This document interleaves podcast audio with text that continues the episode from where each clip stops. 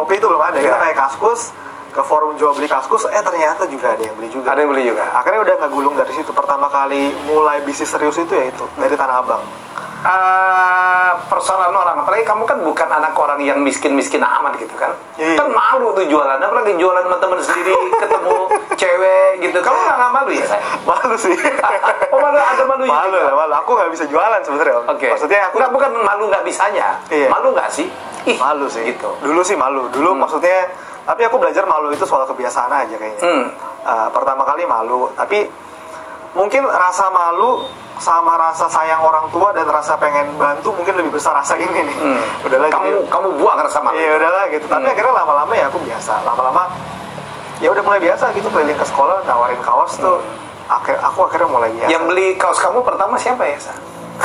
ini kamu masih ingat ceritanya mama. Ah, Dia aja dia yang dia paksa beli pertama itu mamanya Iya, sendiri. Gimana iya. ceritain ceritain? itu sebenarnya ceritanya bukan baju yang tanah abang gitu. Itu dulu aku pernah bikin. Eh. Gila, Om Helmi masih ingat ya? Nah, cerita ya. Jadi tapi aku pernah bikin kaos. Eh, kaosnya itu karena aku nggak bisa desain. Ah. Kaosnya itu aku desain itu pakai Microsoft Words. oke.